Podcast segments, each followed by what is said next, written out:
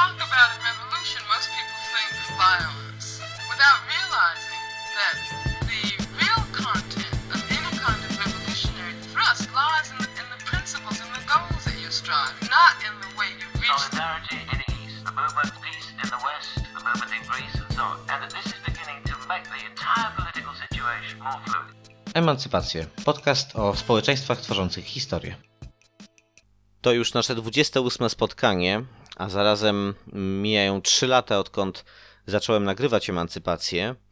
E, I w tym e, zupełnie niejubileuszowym odcinku mm, nieco inna konwencja niż zazwyczaj, ponieważ nie rozmawiamy stricte o historii, ale także o wydarzeniach, które no, trwają wciąż. E, Chodzi bowiem o, no, zaryzykuję to stwierdzenie, mm, niedoszłą queerową rewolucję, która w Polsce mm, no, miała szansę się wydarzyć, czy zawiązała się jako pewien mm, ruch, pewna mobilizacja społeczna.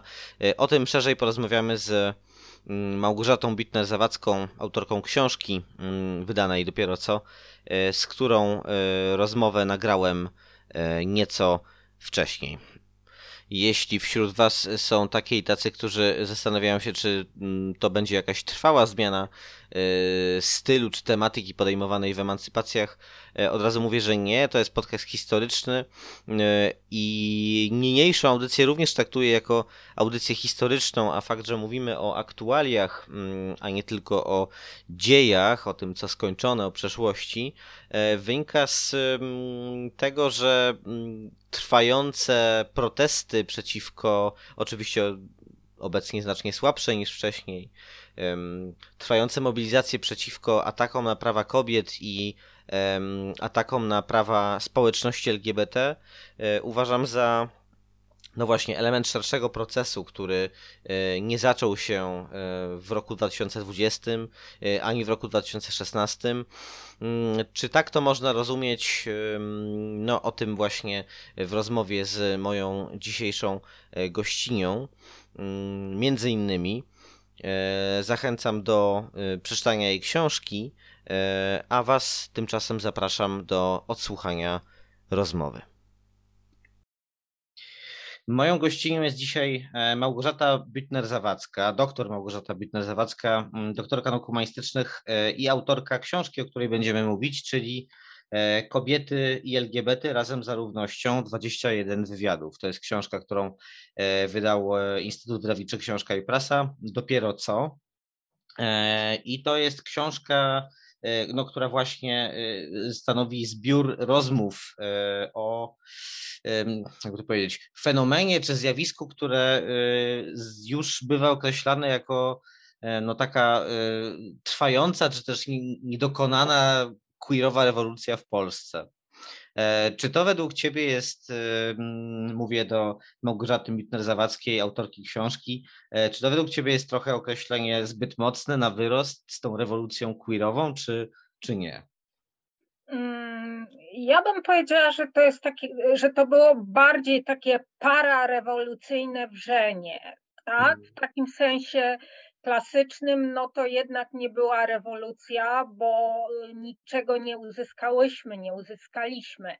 E, Natomiast mam nadzieję, ale to się okaże za pewien czas, że e, nastąpiła rewolucja świadomościowa e, i w zakresie queerowym, praw osób LGBT i też w zakresie świadomości feministycznej. Mhm. Mhm, Mhm. Więc liczę, liczę, że to e, była e, taka rzeczywiście rewolucyjna zmiana, która e, przede wszystkim w młodym pokoleniu zaszła. No właśnie.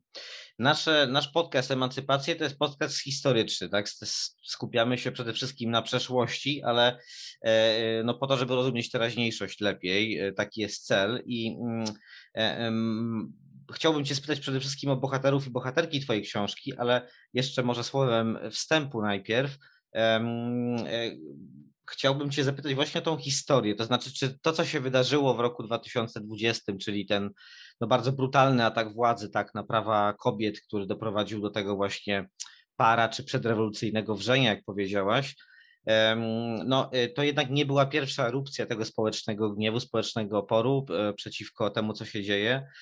Pamiętamy czarny protest kilka lat wcześniej, pamiętamy E, podobne, pod, podobnej skali, może nie aż tak wielkie, ale protesty e, dotyczące no, e, obrony mm, praw kobiet, obrony praw społeczności LGBT oraz inne protesty związane z oporem przeciwko polityce obecnej władzy, ale mm, jeśli chodzi o kwestie genderowe, o kwestie praw kobiet, praw mniejszości, zwłaszcza mniejszości seksualnych czy E, tożsam, o nieheteronormatywnej tożsamości seksualnej, no to ja, ja rozumiem tę walkę jako element dłuższego procesu. E, czy ty również? Jeżeli tak, to powiedz, jak daleko sięgają korzenie tego, tego procesu, kiedy on się zaczął, innymi słowy?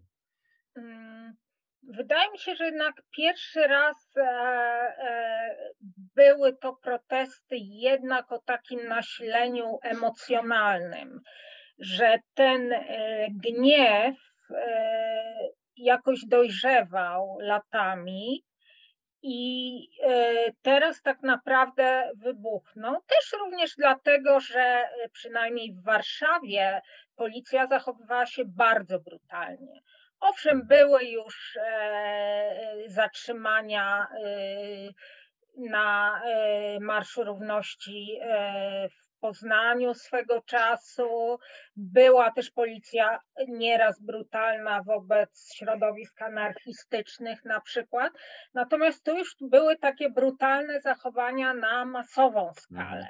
Mhm. E, I wydaje mi się, no, e, no oczywiście można, e, można sięgać w historii jak najbardziej, jak najdalej wstecz i mówić o emancypacji od, na przykład kobiet od czasów y, orzeszkowej, prawda, czy, czy społeczności LGBT y, od czasów, kiedy jakieś wątki się pojawiały w kulturze. Hmm. Natomiast y, no myślę, że gdzieś tam 89 rok dalej jest dla nas pewną cezurą, hmm. tak, w najnowszej historii. I pewne procesy się e, zaczęły tutaj dziać. E, to znaczy tak, z jednej strony było to, na przykład jeśli chodzi o prawa kobiet, było to otwarcie na, na zachód, zachodni feminizm, ale z drugiej tutaj powrót e, do takich patriarchalno-kościelnych E, prawda, do takiego spojrzenia na kobietę, które się najbardziej właśnie wtedy przejawiło w 1993 roku w zaostrzeniu, e, wprowadzeniu ustawy, mhm. tak, która, która e, ograniczała dostęp do aborcji i wtedy właśnie bardzo mocno się skonsolidował taki raczkujący wówczas ruch feministyczny. E, a jeśli chodzi o, o, o y, prawa LGBT, no to też tutaj e, pewne rzeczy dojrzewały, ale też właśnie były różne strategie wcześniej na przykład takie róbmy parady, róbmy marsze, ale może niech na nich się nie pojawiają drag queen, bo to mm. tego w cudzysłowie normalsa może jakoś drażni. Natomiast tutaj wydaje mi się jeszcze przed tymi protestami to, co się wydarzyło, czyli e, aresztowanie Margot, mm. tęczowa mm. noc, e, spowodowała, że wiele osób zrozumiało, że no, mm, taka ugodowa strategia nic nie daje. Mm-hmm. I mhm. myślę, że też wcześniej przed tymi czarnymi e, protestami w, w 2020 roku, tak? po, po mhm. wyroku Trybunału Przyłębskiej, tak, tak. istotne było, e, był próba zamachnięcia się na e, konwencję stambulską dotyczącą ochrony kobiet przed mhm. przemocą. Mhm. To wtedy ja y, byłam na takim proteście, y, który od y, siedziby Ordo Juris przeszedł pod ministerstwo, bodajże już nie wiem, tam Marlena Maląg, nie wiem czego ona tam jest Pracy, znaczy to już nie jest pracy, ale polityki, rodziny polityki społecznej. Tak.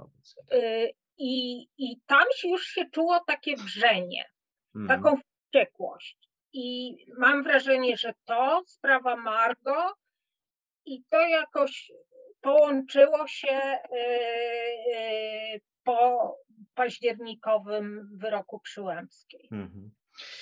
Powiedz y, coś, bardzo Cię proszę, o, o bohaterkach i bohaterach tej książki, bo myślę, że jej wielką zaletą jest to, że to jest aż 21 wywiadów, tak? To nie są e, obszerne wywiady, ale takie bardzo fajnie pomyślane, według mnie takie bardzo esencjonalne, to znaczy z każdej postaci e, e, wyciągasz tutaj bardzo E, bardzo ważne wątki, tak, takie dobrze obrazujące jakoś jej e, rolę i podejście każdej z tych postaci właśnie do tego e, procesu, do tych protestów, tego zmasowanego społecznego oporu. To jest jakiś portret pewnego środowiska w związku z tym, a jednocześnie nie jest to, nie prowadzisz tutaj kreacji pojedynczych bohaterów, bohaterek, tak, więc to, to bardzo mi się podoba, natomiast chciałem Cię spytać o klucz doboru tych, tych postaci, tak, czy to jest, bo ja wiem, że bazą dla książki były wywiady, które przeprowadziłaś dla kwartalnika bez dogmatu, tak?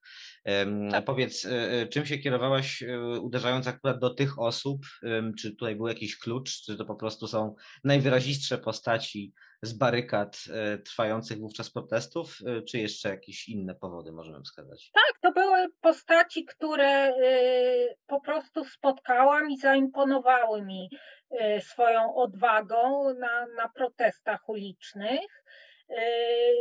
To przede wszystkim mną kierowało, kiedy robiłam wywiady do Bez Dogmatu, oczywiście z babcią Kasią, która mhm. się wtedy zaczęła być bardzo znana y, w całej Polsce, mimo że y, protestowała y, już od czasu narodzin kodu mniej więcej. Tak, tak.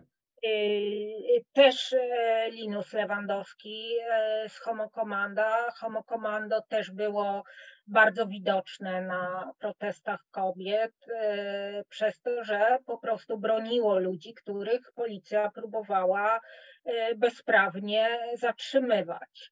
E, I e, naprawdę były to osoby, które po prostu dosłownie czasami na mnie wpadały na ulicy i od tego się zaczynało spotkanie.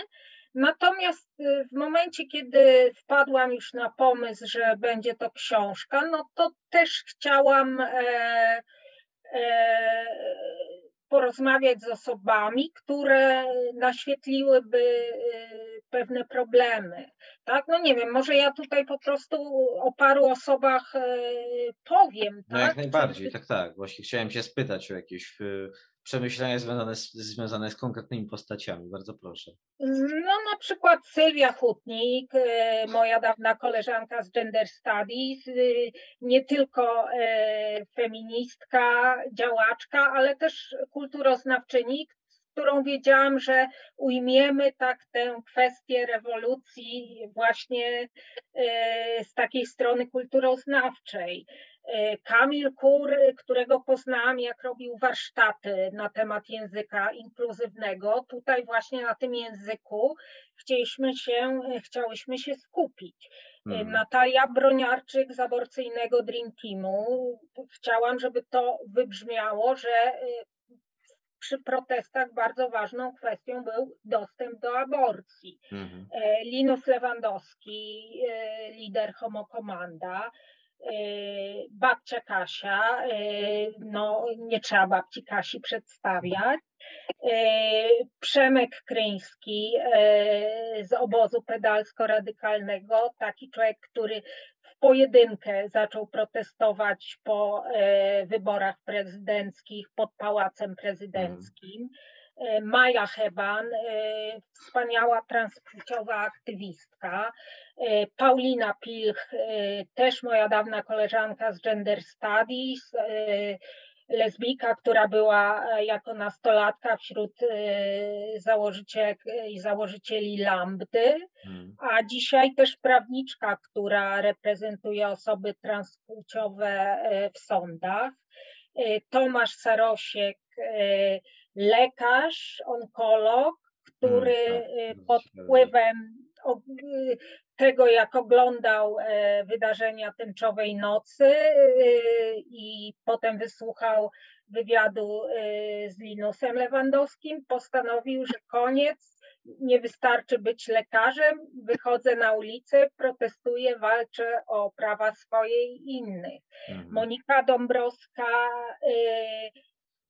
osoba, która była na mm, wspaniałym zdjęciu mhm. protestów, E, kiedy stanęła na dachu samochodu z flarą, bez koszulki, a jest to Amazonka, mhm. e, która ma tatuaż e, tak. w miejscu piersi i opowiadała, że no, tak jak można walczyć z rakiem, można też walczyć z chorobami, które toczą nasz kraj, nasze społeczeństwo. E, Karolina Micuła, artystka, która mi za, za, za, też zresztą stała z Moniką wtedy na, na samochodzie, ale zaimponowała mi na jednym z protestów, jak śpiewała Bella Ciao. Policja ją próbowała zepchnąć z jezdni, ale właściwie wydawało się, że to ona y, prowadzi policjantów i zapędza ich w kontinuum. E, Jewgeni Jake e, to jest E, Voger, e, drag queen, e, tancerz, który mieszka w Polsce, a pochodzi z Kazachstanu. Nie brał jako obywatel obcego państwa w protestach udziału, mhm. ale im kibicował i też tutaj rozmawiamy o tym, że na przykład taniec, sztuka też może być formą protestu. Y, Leokadia Jung, tak zwana lodzia, y, która ma 150 y, cm wzrostu, ale jest niezwykle dzielna, wszędzie ją widać, pojawia się na każdym proteście. Mhm. Mm, Maciej Liskowacki Romanow, e, projektant mody i też e, bardzo e, dzielny, niesamowity aktywista. E, e, dawny harcerz, który ma mm, w sobie tę taką e, potrzebę walczenia i troszczenia się o innych. Mhm. Agata Diduszko-Zyglewska, radna warszawska, która zajmuje się walką o świeckie państwo. Łukasz Kachnowicz, były ksiądz katolicki, który odszedł z kościoła i został aktywistą. Mhm. Y, Jarek Malicki, e, e, protestujący e, już w czasach kodu od obywateli RP, malarz i architekt. Marta Puczyńska, bardzo ważna osoba, która się osobiście nie pojawiała na protestach, natomiast działała, działa w kolektywie antyrepresyjnym Szpila, czyli hmm. wśród tych osób, które w internecie monitorowały protesty i w razie czego ludziom porywanym przez policję zapewniały y, dojazd y, prawników, y, prawniczek na, na, na komendę. Marcin Jaworek, też działacz Homo Komanda i nowego stowarzyszenia Sześć Kolorów Równości, taki urodzony organizator, optymista z milionem pomysłów i z bardzo ciekawymi przeżyciami osobistymi. I wreszcie Grzegorz Piątek, który tak ja mam z powodu swojego doktoratu zawsze takie warszawianistyczne zainteresowania. Hmm. I też no, tutaj skupiłam się na protestach warszawskich, więc tutaj e, Sylwia Hutnik i Grzegorz Piątek to była taka otwarcie i klamra warszawianistyczna. Grzegorz jako architekt, e, autor książki o Warszawie. Tutaj trochę się zastanawialiśmy właśnie e, o, o tym, jak, jak bardzo Warszawa jest miastem takim rewolucyjno-protestowym hmm. i, i, i czy jest miastem przyjaznym dla społeczności LGBT i kobiet. Hmm. Tak, e, dzięki za to przedstawienie, bo przy, powiedziałeś chyba o wszystkich e, uczestniczkach, uczestniczkach, uczestnikach e, no, tamtych wydarzeń i bohaterach, jednocześnie bohaterach i bohaterkach tej książki. Dodam jeszcze, że jeżeli chodzi o przestrzeń Warszawy, tak to jesteś autorką również Twoja poprzednia książka, jak rozumiem, to był twój doktorat właśnie, tak? tak. O, e, o, o wizerunku kobiet, tak? W mm, literaturze poświęconej Warszawie, jeśli dobrze pamiętam, przepraszam, bo ja tak, miałem o doświadczeniu mhm. przestrzeni miejskiej, tak. o mhm. kobietach e, w Warszawie, literaturze. I właśnie dlatego też chciałem Cię spytać, jaki obraz przestrzeni protestu, ale też w takim metaforycznym sensie e, wyłania się z tej książki, to znaczy E, czym jest ta wspólna przestrzeń protestu dla środowiska LGBT i dla kobiet, tak? Bo um, ja pamiętam pierwsze parady równości, pamiętam też pierwsze manify.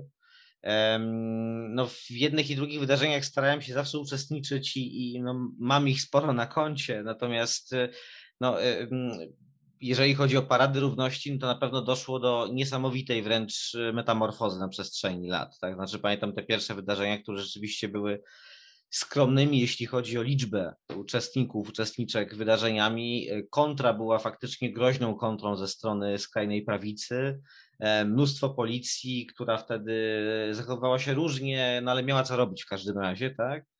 E, no i doszliśmy do momentu, kiedy tak przed pandemią jeszcze no, e, e, w końcu Parady Równości w Warszawie zyskały taki status powiedzmy i taką też taki rozmiar po prostu jak w krajach no, szeroko rozumianego zachodu, tak, 80 tysięcy ludzi na ulicach, te platformy i generalnie atmosfera wielkiej imprezy. Tu się oczywiście pojawiają rozmaite też głosy krytyczne, że to się bardzo komercjalizuje, że to traci charakter no, wyrazu pewnego poru społecznego i tak dalej, ale E, zostawmy to. Chciałem Ci spytać właśnie o tą przestrzeń, zarówno w sensie fizycznym, jak i takim metaforycznym i właściwie od, od, kiedy możemy mówić o takim zejściu się interesów? Mówię o polskim podwórku, tak? O takim zejściu się interesów środowisk feministycznych starających się przemawiać w imieniu kobiet i środowiska LGBT. Od kiedy ta walka jest wspólna? Czy ona zawsze była wspólna, czy niekoniecznie? Znaczy ja, ja, ja też od razu powiem Ci, że ja y, tutaj y, między innymi pod wpływem e, Kamila Kura, z którym mam wywiad o języku, chętniej używam słowa społeczność LGBT mm. niż środowisko, bo mówi się, że środowisko pochodzi z czasów, kiedy w PRL-u mówiono o tym środowisku i to tak w podtekście było, że to jest takie trochę środowisko Jak marginesu, mhm. kryminogenne, tak, tak, tak. Poza tym też społeczność jakby jakby ma tę wspólnotowość, której Jasne. środowisko nie ma, więc ja, ja, ja najchętniej używam y, słowa społeczność. I ja myślę, że ta walka zawsze była wspólna. Tutaj y, ja byłam na pierwszej manifie, i, gdzie tam było kilka feministek z, z, właśnie ze studiów Gender Studies i dołączyli do nas chłopcy z tęczową mhm. flagą. To jest y, naturalny sojusz, tak? Nawet Właściwie tutaj jest to pewien motyw przewodni mojej książki i tak y, w różnych rozmowach e, mhm. Pytano mnie, czy osoby się zastanawiały, czy rzeczywiście istnieje ten sojusz i e, chyba naj, naj, najsłuszniej powiedziała e, socjolożka z Łodzi Iza Desperak, że właściwie nie ma co pytać, e, czy my mamy ten sojusz. Tak, my go mamy. Mhm. Tak? pytanie do, do jakiego stopnia, ale rzeczywiście go mamy. Yy, yy, być może yy, znajdą się jakieś feministki, ale ja w zasadzie nie znam feministek, które by były homofobiczne. Nie, te feministki jakby uczone na tych genderach, e, e, to w zasadzie e, nie było tutaj w tym polskim feminizmie po 89 roku takiego na przykład wykluczania lesbijek, jakie się, mhm. zdarzy, jakie się zdarzyło w feminizmie tak. amerykańskim swego czasu. Z kolei ja też y, słyszę czasami, że no, geje bywają mizoginiczni, ale hmm. szczerze powiedziawszy, ja może tam ze dwóch jakichś spotkałam i Nasza marginalna sytuacja. Mhm. Tak, wśród kobiet zapewne zdarzą się takie, które y, powiedzmy będą chciały, no wygodnie by mi było y, mieć y, dostęp do aborcji, ale nie interesują mnie śluby gejów. I z kolei geje, którzy powiedzą, że no prawa gejów, a tam patriarchatu to nie obalamy, ale to zazwyczaj są osoby, które w ogóle nie będą się specjalnie troszczyły o innych, tylko będą dbały o własne dobro i nie, nie będą w tym środowisku aktywistycznym. Yy, natomiast takie osoby, które yy, się spotykają i też uczą od siebie w czasie protestów, myślę, że stają się wyczulone, y, a jeśli dotąd nie były, to podczas ostatnich protestów się stały y, wyczulone na interesy też innych grup. Mhm. Jeśli chodzi o dobór y, Twoich rozmówczyń i rozmówców, to ja mam tylko taką, jestem no, trochę zaskoczony jedną rzeczą, ale może ja się mylę i może, może wyprowadzisz mnie z błędu, bo mam takie wrażenie, że w tej grupie 21 osób właściwie nie znalazł się żaden przedstawiciel ani przedstawicielka tej takiej najmłodszej generacji, tak, która jednak bardzo w dużej liczbie y, wystąpiła na ulicę i no i też niejednokrotnie, no ja byłem bardzo poruszony, pamiętam widząc, nie wiem, tak na oko pewnie, nie wiem, 17-letnie dziewczyny, które przyprowadzają tam swoich chłopaków, tak i to widać, że to one są, że tak powiem, prowodyrkami tej sytuacji. E, widząc, nie wiem, nastolatków, E, z tęczowymi różnymi akcesoriami takich wczesnych nastolatków, tak? mam wrażenie, że to jest jakby energia tej części e, społeczności jest po prostu nieoceniona, no i też trzeba pamiętać o tym, że to oni walczą przede wszystkim tak o swoją, znaczy wszyscy walczymy, wszystkie walczymy, ale no tutaj jakby ciąży na nich ciężar takiego e, no, troski o własną przyszłość w takim najbardziej bezpośrednim wymiarze. E, powiedz, czy mm, brak takiej rozmówczyni, rozmówcy to jest przypadek, czy ja czegoś nie zauważyłem, czy to wynika jeszcze z czegoś innego może? Wiesz, tak sobie jak teraz myślę, to że może rzeczywiście masz rację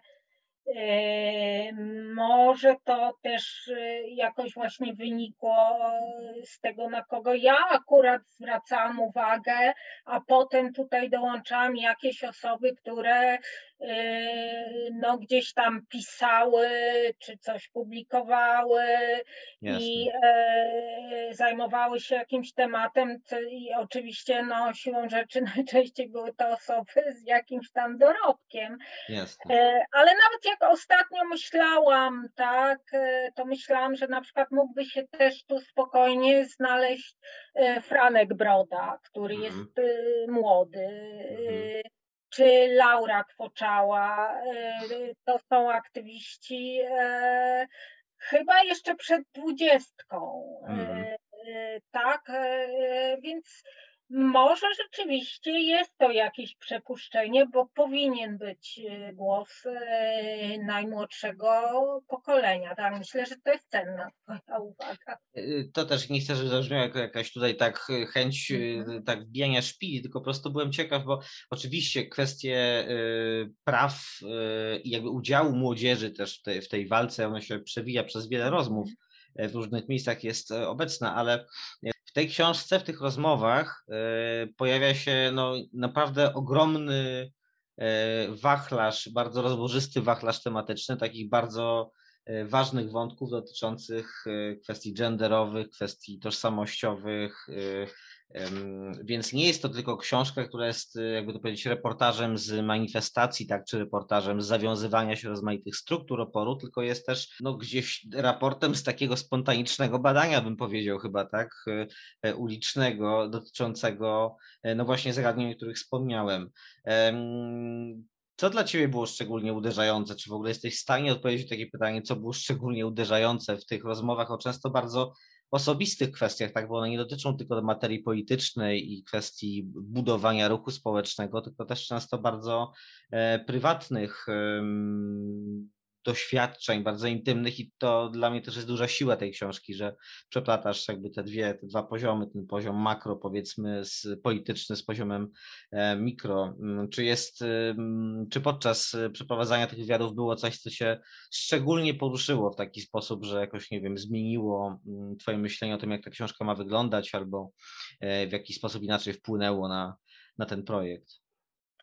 Y, no, oczywiście zawsze były dla mnie poruszające y, historie o przemocy. Wiele osób tutaj y, ma opowieści takie o przemocy z dzieciństwa, które doznawało, czy to na przykład w homofobicznych rodzinach, czy w środowisku, tak? No mam tutaj trans płciową osobę, która dorastała mm, na Podkarpaciu, e, Maja Heban e, e, i była tylko częściowo akceptowana przez koleżanki, natomiast spotykała się taką nawet fizyczną hmm. przemocą, może nie, nie bardzo brutalną, ale tak.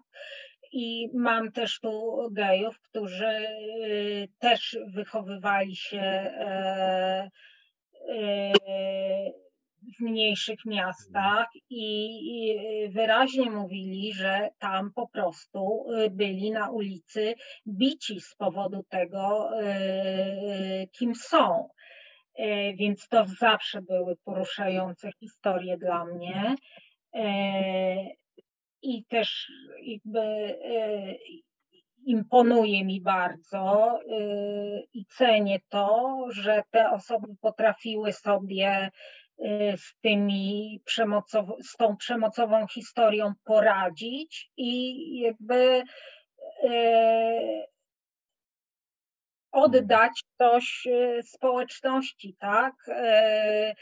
Nie tylko skupić się na własnym cierpieniu, ale starać się y, w tej chwili tak. Y, pomagać i walczyć o prawa innych. Natomiast w zasadzie mogę też powiedzieć, że każdy wywiad w jakiś sposób mnie zmienił i czegoś mhm. nauczył. Natomiast y, taki może ciekawy też wątek, który zauważyłyśmy z moją redaktorką Anią Małyszko mhm. i który najpierw ja się przestraszyłam, że może to źle, zauważyłam, że e, o życiu prywatnym, na przykład właśnie o swoim dzieciństwie, czy o swoich e, zawodach miłosnych albo swoim szczęściu miłosnym, częściej opowiadają mi tu mężczyźni, geje. Hmm. Natomiast kobiety się raczej skupiają na y, właśnie działalności aktywistycznej, bądź właśnie takim kulturoznawczym, naukowym hmm. ujęciu y, pewnych kwestii. I ja się tak myślę, ojej, może tu niedobrze, ale moja redaktorka stwierdziła, że to jest ciekawe, mhm. że, że może właśnie y, odwróćmy ten schemat. Tak. Y, kiedy ko kobiety zawsze są pytane o no. życie prywatne i jak też udaje im się łączyć życie zawodowe z prywatnym i yy, na pewno mniej wiemy i, i, i, mniej jest takich historii uczuciowych mężczyzn, tak? W reportażu, literaturze, w historii mówionej. Yy, więc e, tutaj postanowiłyśmy, że, że, że tak to zostawimy. Mhm. Czy uważasz, że to jest książka, która jest jakby zamkniętą całością?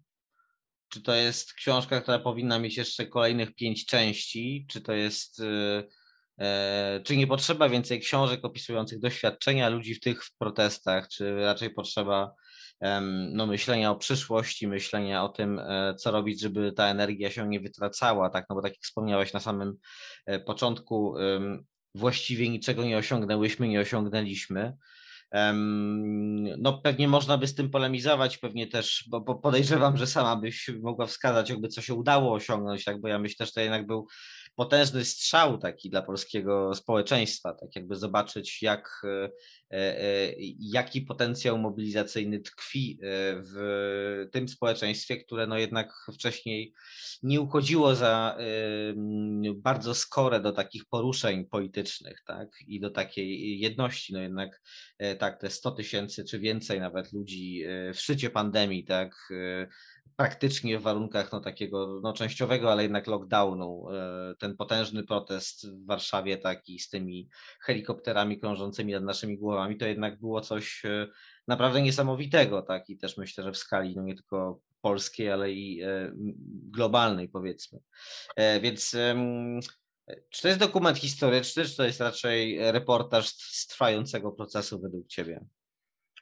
Znaczy, rzeczywiście w pewnym sensie można by tę książkę e, kontynuować w nieskończoność, bo znalazłyby się te kolejne osoby. No właśnie, to co mówisz, że można by sięgnąć po głosy e, najmłodszego pokolenia. E, też jakby Potem w trakcie, y, chodząc na jakiegoś y, rodzaju y, protesty czy wydarzenia, poznawałam kolejne osoby, no ale prawda, trzeba było już jakąś książkę zamknąć. Na przykład wiele bardzo ciekawych osób działa w tej grupie Cień Mgły, oddolne wsparcie strajku kobiet. Oni mm. cały czas protestują, czy lotna brygada opozycji też robi czasami zabawne i szalone mm. rzeczy.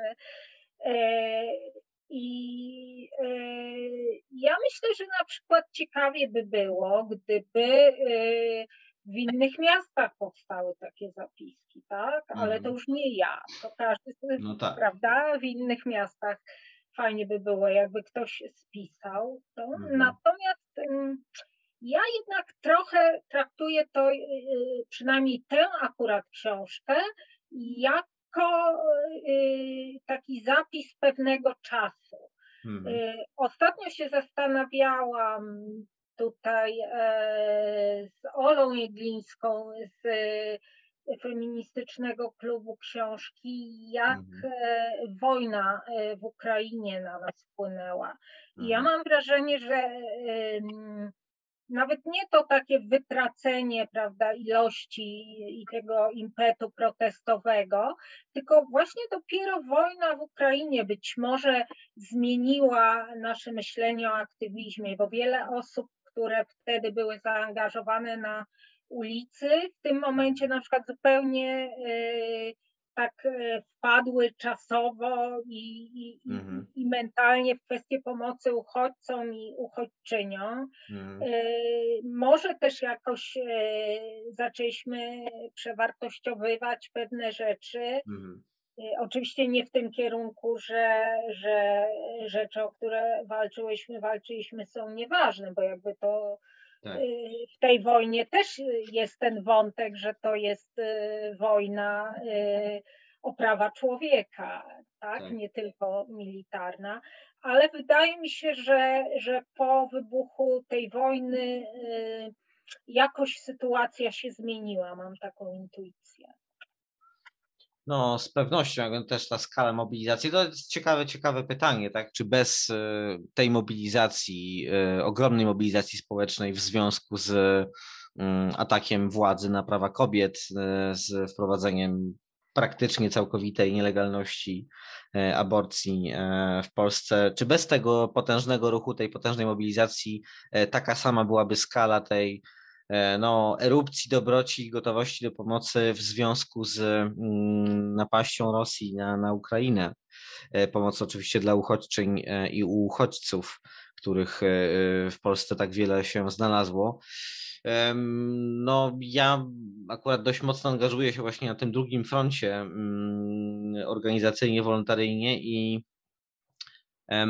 nie umiałbym odpowiedzieć na to pytanie, jednak jak patrzę też, kto na przykład przychodzi na, do, na, na wolontariat do, do miejsca, w którym y, no ja się udzielam dość, dość regularnie, no to jest sporo naprawdę zarówno bardzo młodych osób, takich w wieku jeszcze chyba licealnym, jak i na przykład y, y, zwłaszcza starszych kobiet. I takie mam wrażenie, że to są też no, w dużej mierze to są też twarze protestów no właśnie środowiska czy społeczności LGBT i kobiet, tak, i w obronie praw kobiet, które widzieliśmy wcześniej na, na ulicach Warszawy, nie tylko Warszawy, tak w całym kraju. Więc być może coś, rzeczywiście jakaś zależność w tym jest, że, że ten ruch w obronie praw kobiet, w obronie praw osób nieheteronormatywnych rzeczywiście spotęgował no, wolę E, e, walki o sprawiedliwość, ale też po prostu chęci do pomocy tak, osobom poszkodowanym przez wojnę. I też chyba no, stworzyły się takie sieci i znajomości, dzięki którym łatwiej jest teraz coś organizować i -hmm. pomagać, bo, bo ta pomoc dla uchodźców no, jest przede wszystkim prawda, robiona oddolnie.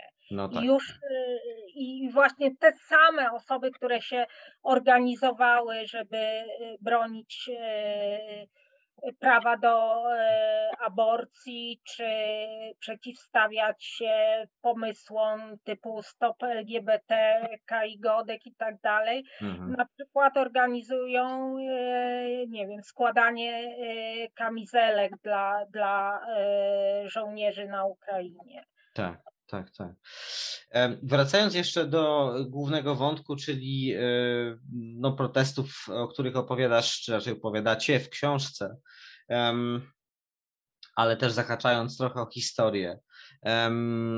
Chciałem spytać o tą drugą stronę, to znaczy o społeczne zaplecze no, władzy, która e, e, wprowadza te nieludzkie ograniczenia i atakuje no, prawa znacznej części obywatelek, obywateli tego kraju w tak no, otwarty i brutalny sposób.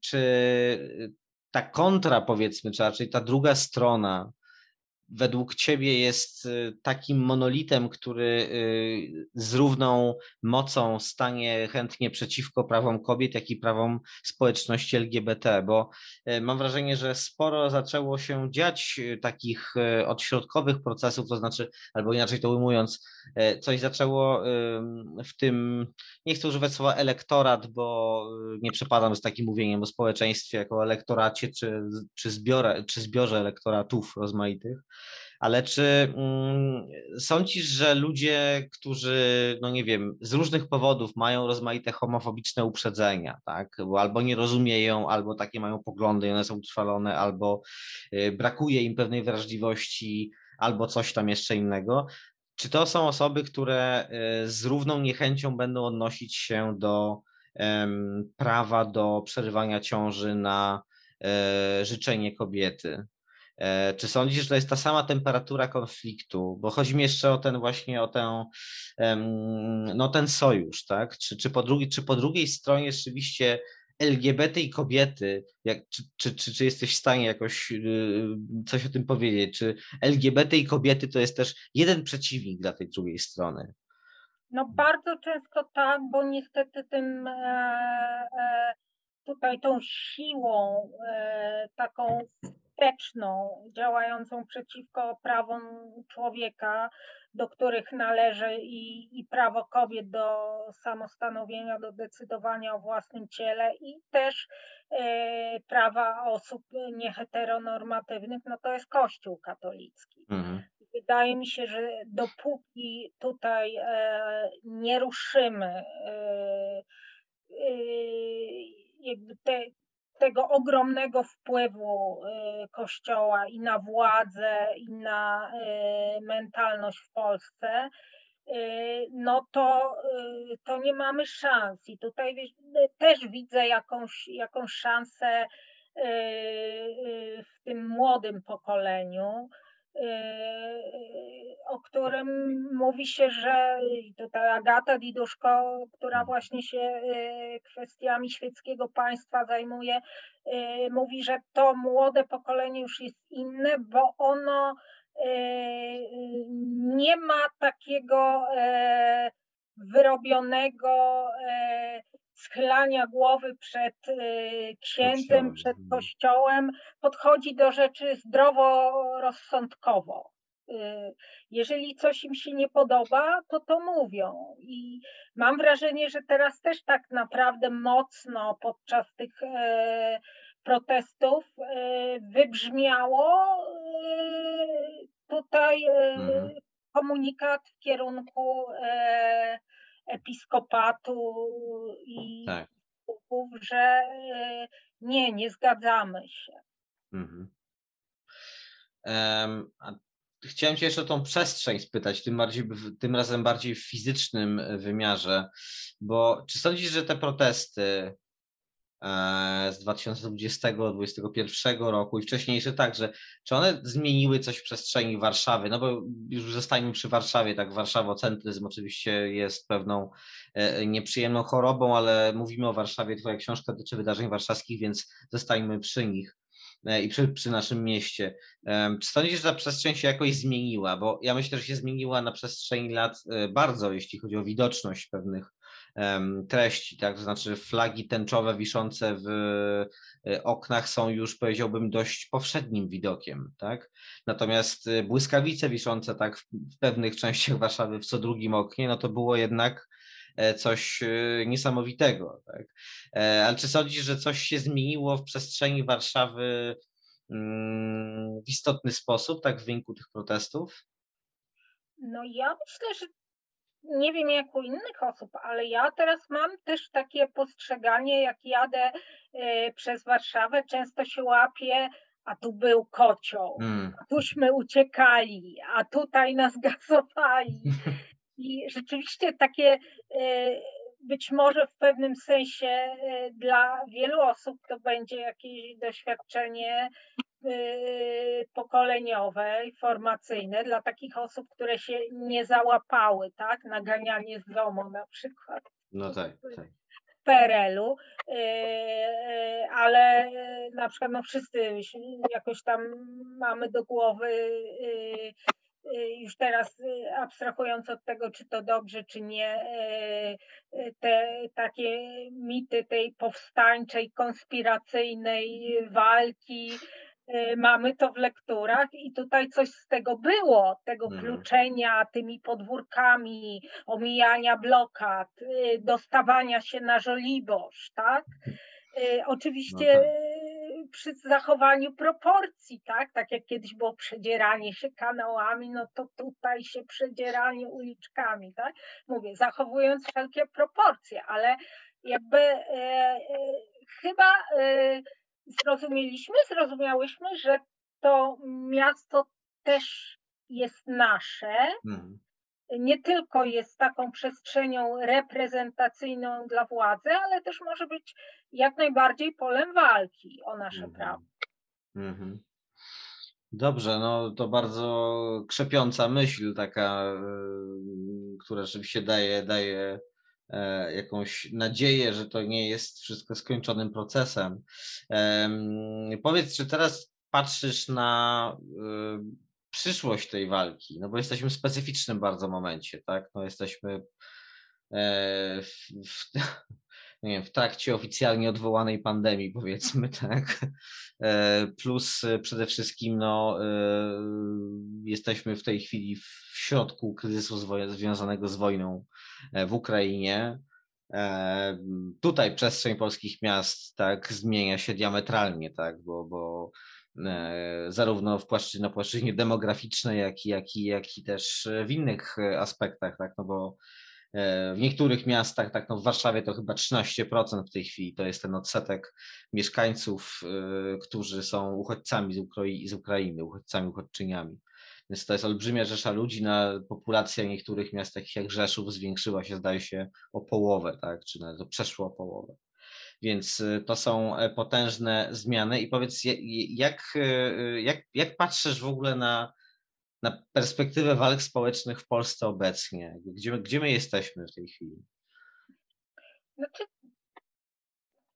wiesz, no nie czuję się kompetentna, żeby aż tak dobrze ci tutaj powiedzieć, ale ja zawsze mam takie podejście, że, e, że po prostu swoje trzeba robić, tak? I w tym hmm. momencie, jeżeli, jeżeli akurat mamy, yy, mamy siłę, bo wiadomo, że też, że ta walka i ten aktywizm jest jakoś tam wypalający i są pewne fazy, tak? Optymistyczne, pesymistyczne i yy, że jakby oczywiście w tym momencie ta fala protestów jakby trochę wygasła, y, część się pra, prawda, przekierowała na, na, na wolontariat i, i pomoc y, walczącej Ukrainie, ale możemy y, i robimy dalej istotne rzeczy. Mhm. No, na przykład właśnie jeśli chodzi o Ukrainę, no to aborcyjny Dream Team mhm kieruje też w tej chwili pomoc y, do Ukrainek, tak? tak. Ukrainki,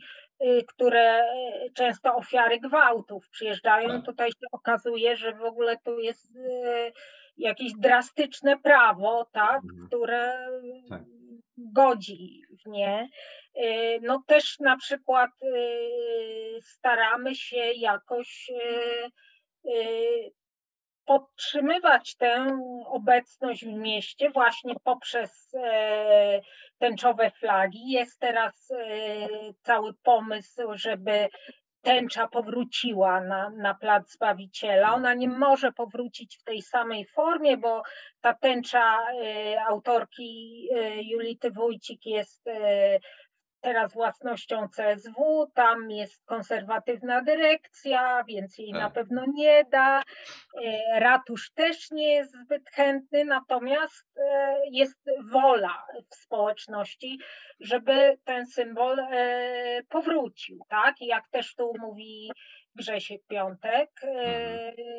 w końcu autor książki o Warszawie jako najpiękniejszym mieście świata, więc zna się. Mówi, że e, warto, żeby ona tam powróciła, e, że wtedy nadaje taki wymiar e, symboliczno-polityczny, taki wyższy, tak, temu placowi Zbawiciela, gdzie często się chodzi po prostu na kawę czy na wino. Yy, więc no, myślę, że jeżeli nie ma na przykład yy, wielu protestów takich masowych, to można robić mniejsze protesty, czy próbować zdobywać przestrzeń symboliczną. To mm. też mhm. jest ważne. Dobrze, bardzo Ci dziękuję. E, myślę, że będziemy e, kończyć. E, bo minęła prawie godzina, więc łącznie z tymi jakimiś moimi dogrywkami, to wszystko tam się pewnie złoży w taką zgrabną audycję. Wydaje mi się, że bardzo fajnie wyszło. Um, Szybko a, czas leci, nie? Tak, tak. To jeszcze na koniec zrobię taką e, końcówkę.